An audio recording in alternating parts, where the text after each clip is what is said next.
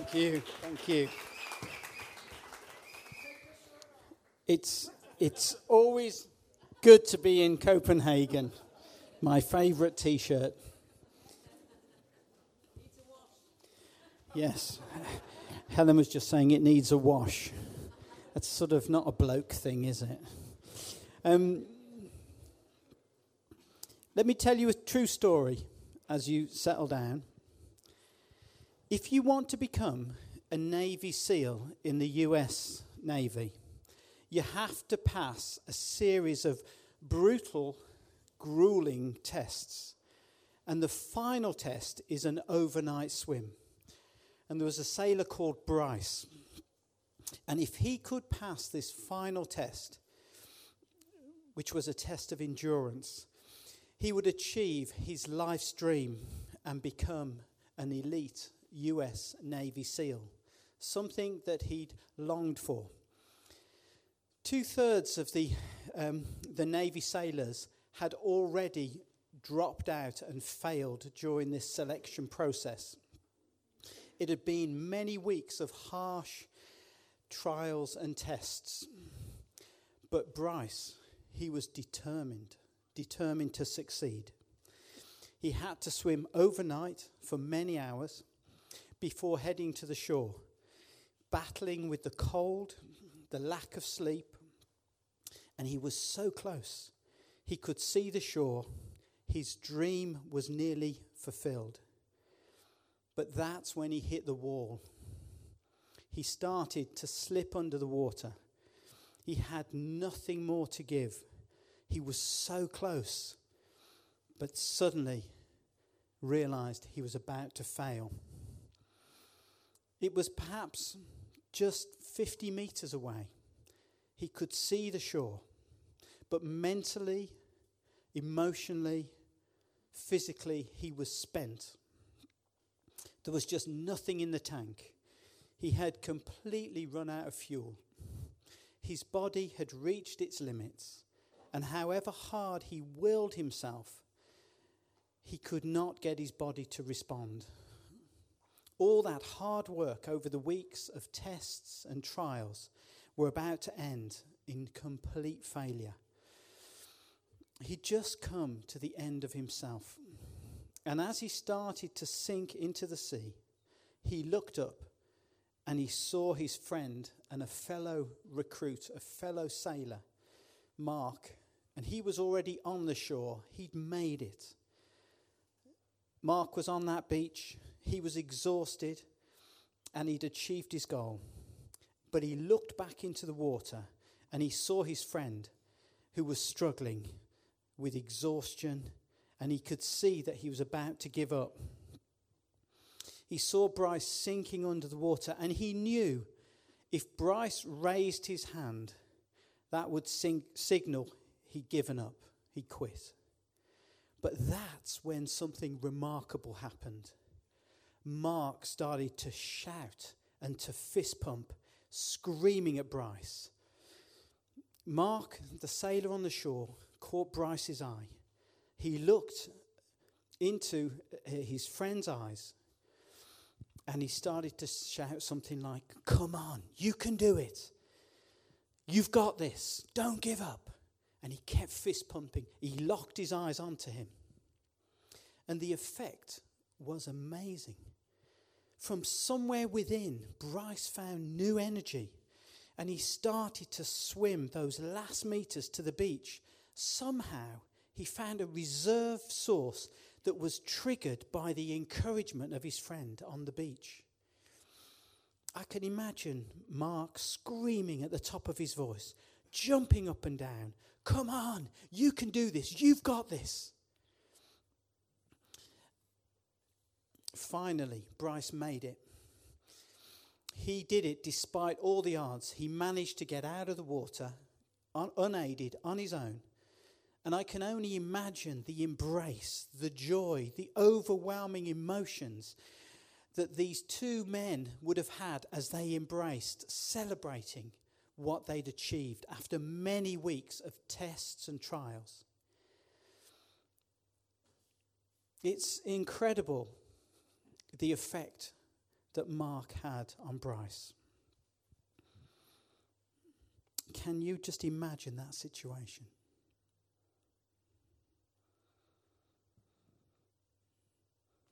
And I want to ask you a question. Where would you place yourself in that true story? Which character right now would you be? Are you the person at sea, struggling to swim, feeling exhausted, at the end of yourself, about to quit? You've nothing left. Life is just hard for you right now. Or are you the person on the beach? You've lived through trials and tests in life, but now you're in a place to encourage and spur others on, to celebrate them and call out greatness from them. Probably all of us have been one of these two characters at different times in our life. But right now, who are you? There are two characters in the Bible that I want to look at. And they're a bit like these two uh, Navy SEALs Paul and Timothy. Paul was the encourager, he was the guy on the beach. He'd already made it through all his tests and trials.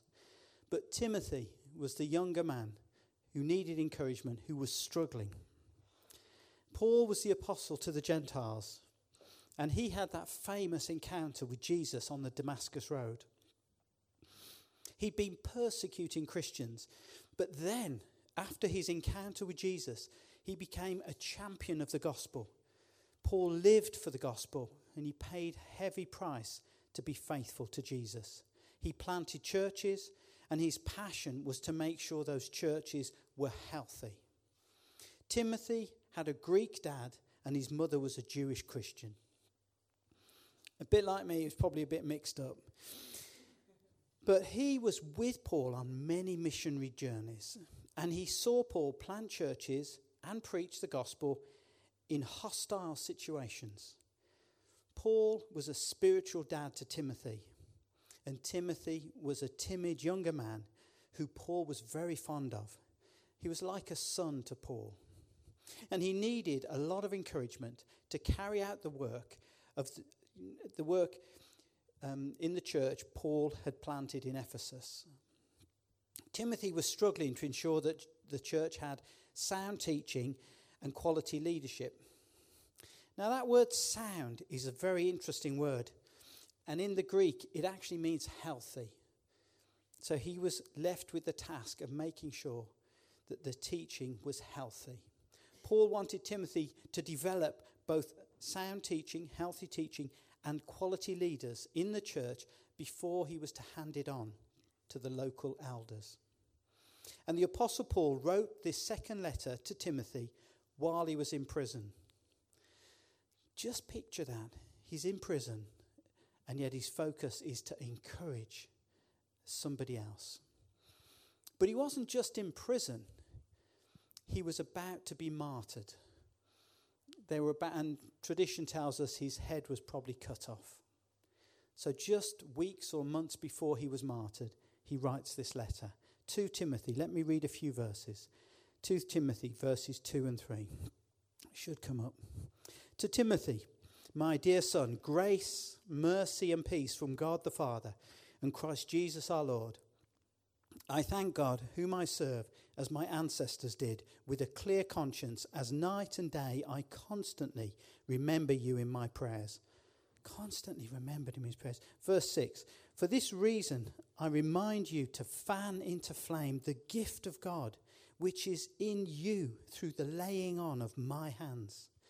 Verse 7 For the Spirit God gave us does not make us timid, but gives us power, love, and self discipline.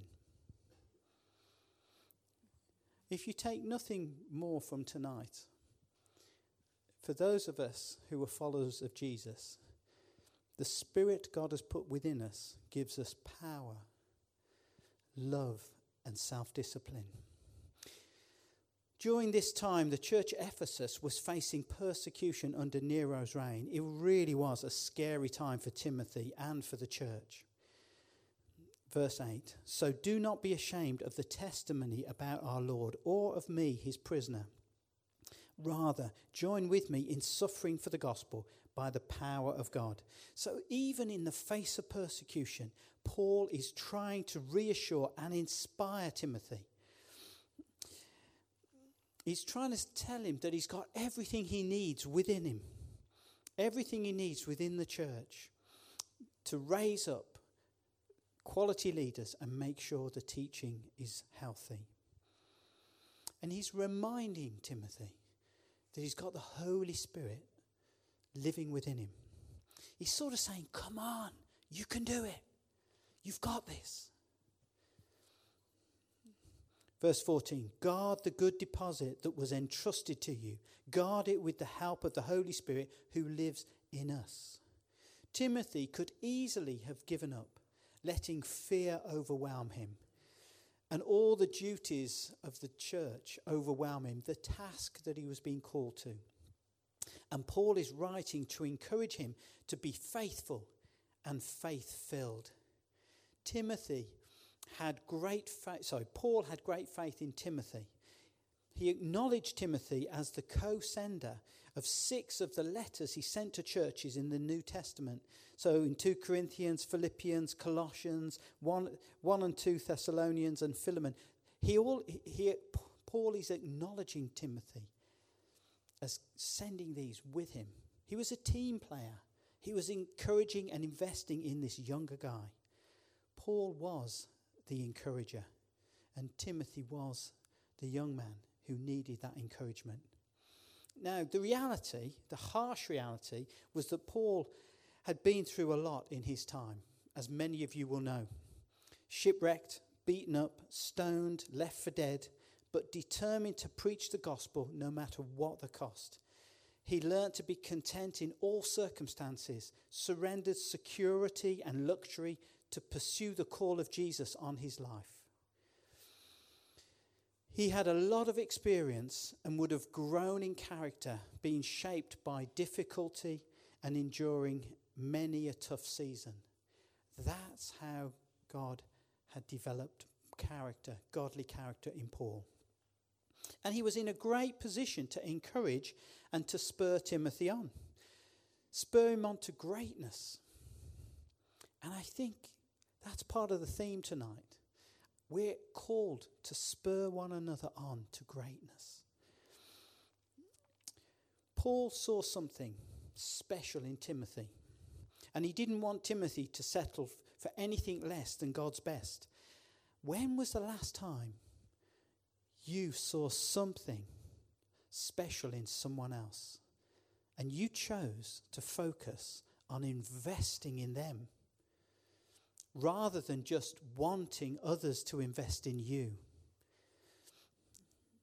It's great when people invest in us, but I think God is raising a generation of people who is calling to encourage and invest in others.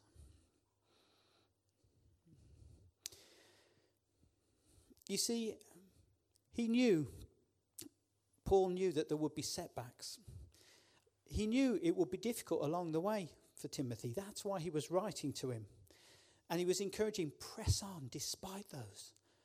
You know, Jesus told us in this life you will have trouble. But don't worry, I've overcome. The Spirit in us makes us overcomers. So what so when we think about encouragement, what comes to mind for you? That word encouragement. See, I love the dictionary definition of encouragement.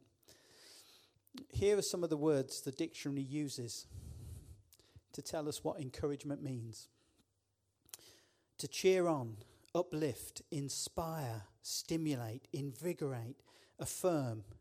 They're just some of the words used. It's a very positive activity, it's a life giving activity. It gives people access to that resource of energy when they think they have nothing left. Whatever age we are, We are called to encourage, to build up, to believe in people. Who are the people in your lives, in our lives, right now that need encouragement? And I think God's going to remind you tonight. They may be here, they may be somewhere else, and He's asking, Will you spend some time encouraging them? Or do you just want to receive? You see, He wants us to call greatness out of others. And in that, we get encouraged too. Thomas Edison himself said in a rare interview published in November 1907, 110 years ago, he said this One day I overheard the teacher tell the inspector that I was addled, stupid, and it would not be worthwhile keeping me in school any longer. I was so hurt by, what the, by this last straw that I burst out crying and went home and told my mother about it. Then I found out what a good thing a good mother is. She came out as my strong defender. Mother love was aroused. Mother, mother's pride was wounded. She brought me back to school and angrily told the teacher that he didn't know what he was talking about and that I had a lot more brains than he himself had, and a lot more talk like that. In fact, she was the most enthusiastic champion a boy ever had, and I determined right then that I would be worthy of her and show her that her confidence was not misplaced. I love that story because he was inspired by his mother's belief and encouragement to go on to achieve great things. I listened to a podcast by Pete Scazzero. You may not know him, but he's a guy that wrote Emotionally Healthy Spirituality and Emotionally Healthy. It's a great book. And he was 56, which was five years ago. Uh, and he was asked by his coach and his mentor, What decade will be your most fruitful? And he was surprised by the answer the coach and the mentor gave him. Because he said, Your most fruitful decade will be your 60s, and your second most fruitful decade will be your 70s, and your third, your 50s. Anything you do up until you're 40 is just practice. Now, in some ways, that makes sense because we have the Holy Spirit living in us, transforming us developing us more and more. And certainly for him, he's now 61, and his ministry has really uh, exploded as he's handed on leadership of his church. God has t- taken him into new areas. But whatever our age, I believe God has something to say to us all today. And I hope that you can hear this because Jesus is saying to you, the best is yet to come. And if you can grab hold of that in your heart and allow the Holy Spirit and fan into flame what the Holy Spirit is doing, we have an enemy that wants to tell us that we're no good, that we're past it. And at 58, I'm just getting close to my most fruitful decade. So I'm very encouraged. But you see, we have no idea of the potential that we have as Christians to encourage and empower others. We have no idea. You know, we have experience to invest. We can draw on what we've lived through already. We have our faith. We have our failures that will encourage and support others, whatever their age. Philippians 1, verse 6 Being confident of this, that he who began a good work in us will carry it on to completion until the day of Christ. We're all a work in progress. As kingdom people, there is so much more. The best is yet to come. I'm excited about that. And the generations that uh, are represented in this church all need to grow and develop. And we can we want to be a church of multi generations, not just one, supporting, encouraging, spurring on, cheering each other on. It's the art of encouragement that we want to learn and develop. The church needs us. It needs our wisdom, our knowledge, our experience, our character, and so much more. We have so much to give as followers of Jesus to the church. I would encourage you that Jesus will add others if you are prepared to be encouragers. We all need it. We all need encouragement. Helen was telling me a few a, while ago that she'd met up with uh, a guy in our church. He was retired, and they were going to talk about the arches. But he stopped and he said he'd been praying about this meeting, and then he had some things to share that he felt God was saying. And it was so refreshing and encouraging for Helen. And sometimes we forget that we need encouragement. His words were, I want to call greatness out of you. When was the last time somebody said to you, I want to call greatness out of you? Can you believe that Jesus wants to call greatness out of you? And it was a really profound moment for Helen. That encouragement and the release of things God had already put on her heart. It was a confirmation of those things as he expressed them now, maybe as you reflect back, can you remember when you were last encouraged? Maybe it was when you were a child.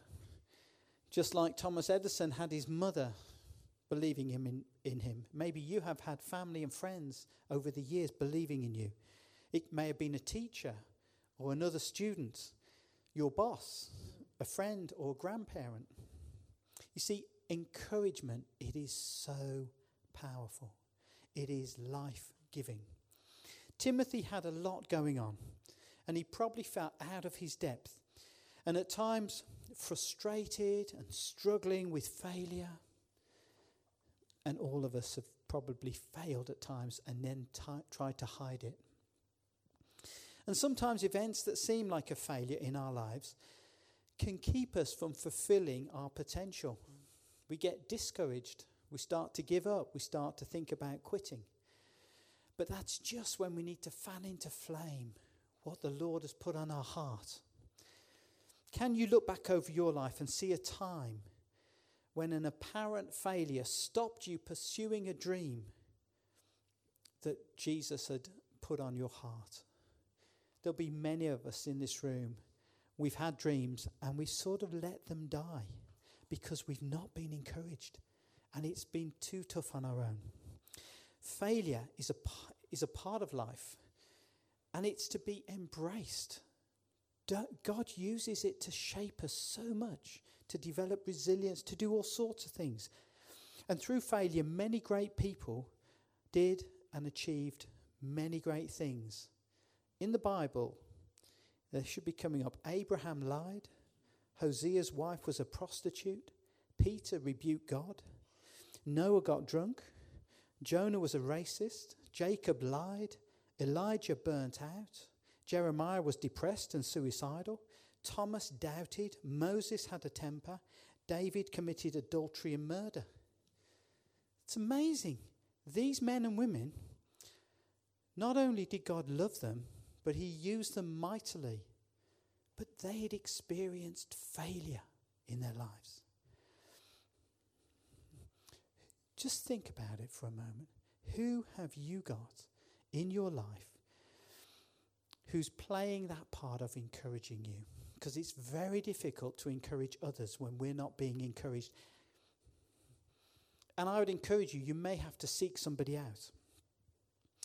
Perhaps someone who's a life stage ahead of you or they've had more experience than you. Timothy had Paul. 2 Timothy 3, verse 10. You, however, know all about my teaching, my way of life, my purpose, faith, patience, love, endurance, persecutions, sufferings. What kinds of things happened to me in Antioch, Iconium, and Lystra? The persecutions I endured, yet the Lord rescued me from all of them. You see, Paul and Timothy had obviously spent a lot of time together. They were a church planting team, and they planted a number of churches. And Paul was an example to Timothy, fist pumping, cheering him on. Come on, you can do it. You've got this. Verse 12 In fact, everyone who wants to live a godly life in Christ Jesus will be persecuted.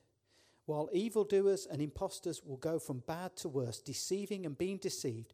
But as for you, continue in what you have learned and have become convinced of, because you know those from whom you learned it, and how from infancy you have known the Holy Scriptures, which are able to make you wise for salvation through faith in Christ Jesus. You see, Timothy, although he's struggling, Paul's there to encourage him.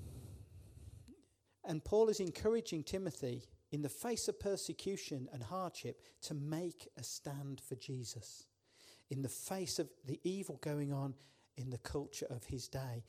And there's the invitation tonight.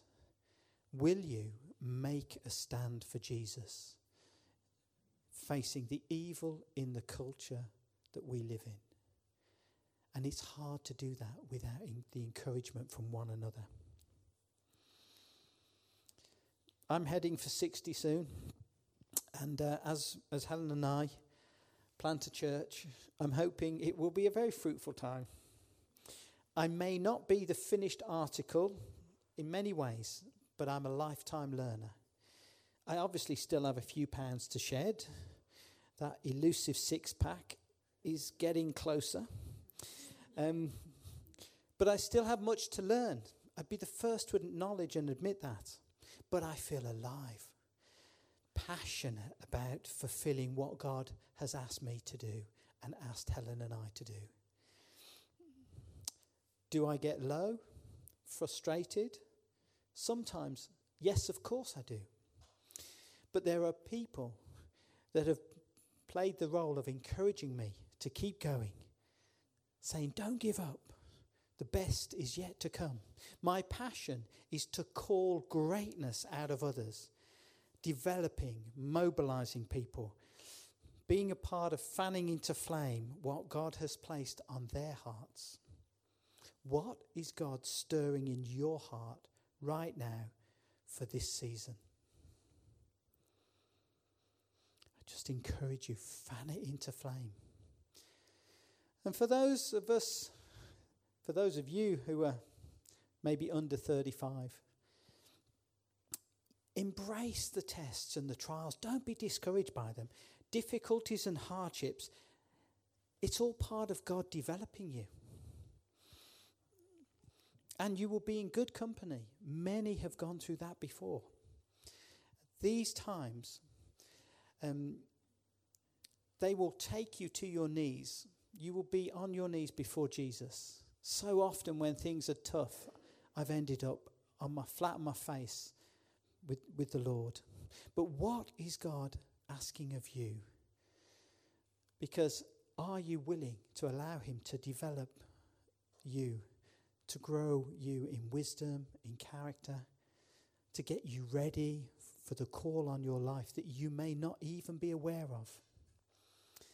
And He is preparing you to do something that only you can do. It's unique for you, whatever that is.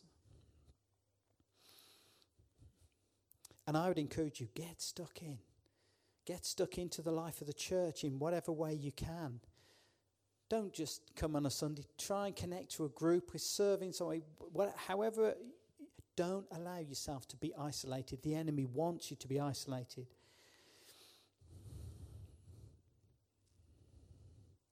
I would encourage you all, and I try to do this, talk about the trials and the tests that you've been living through.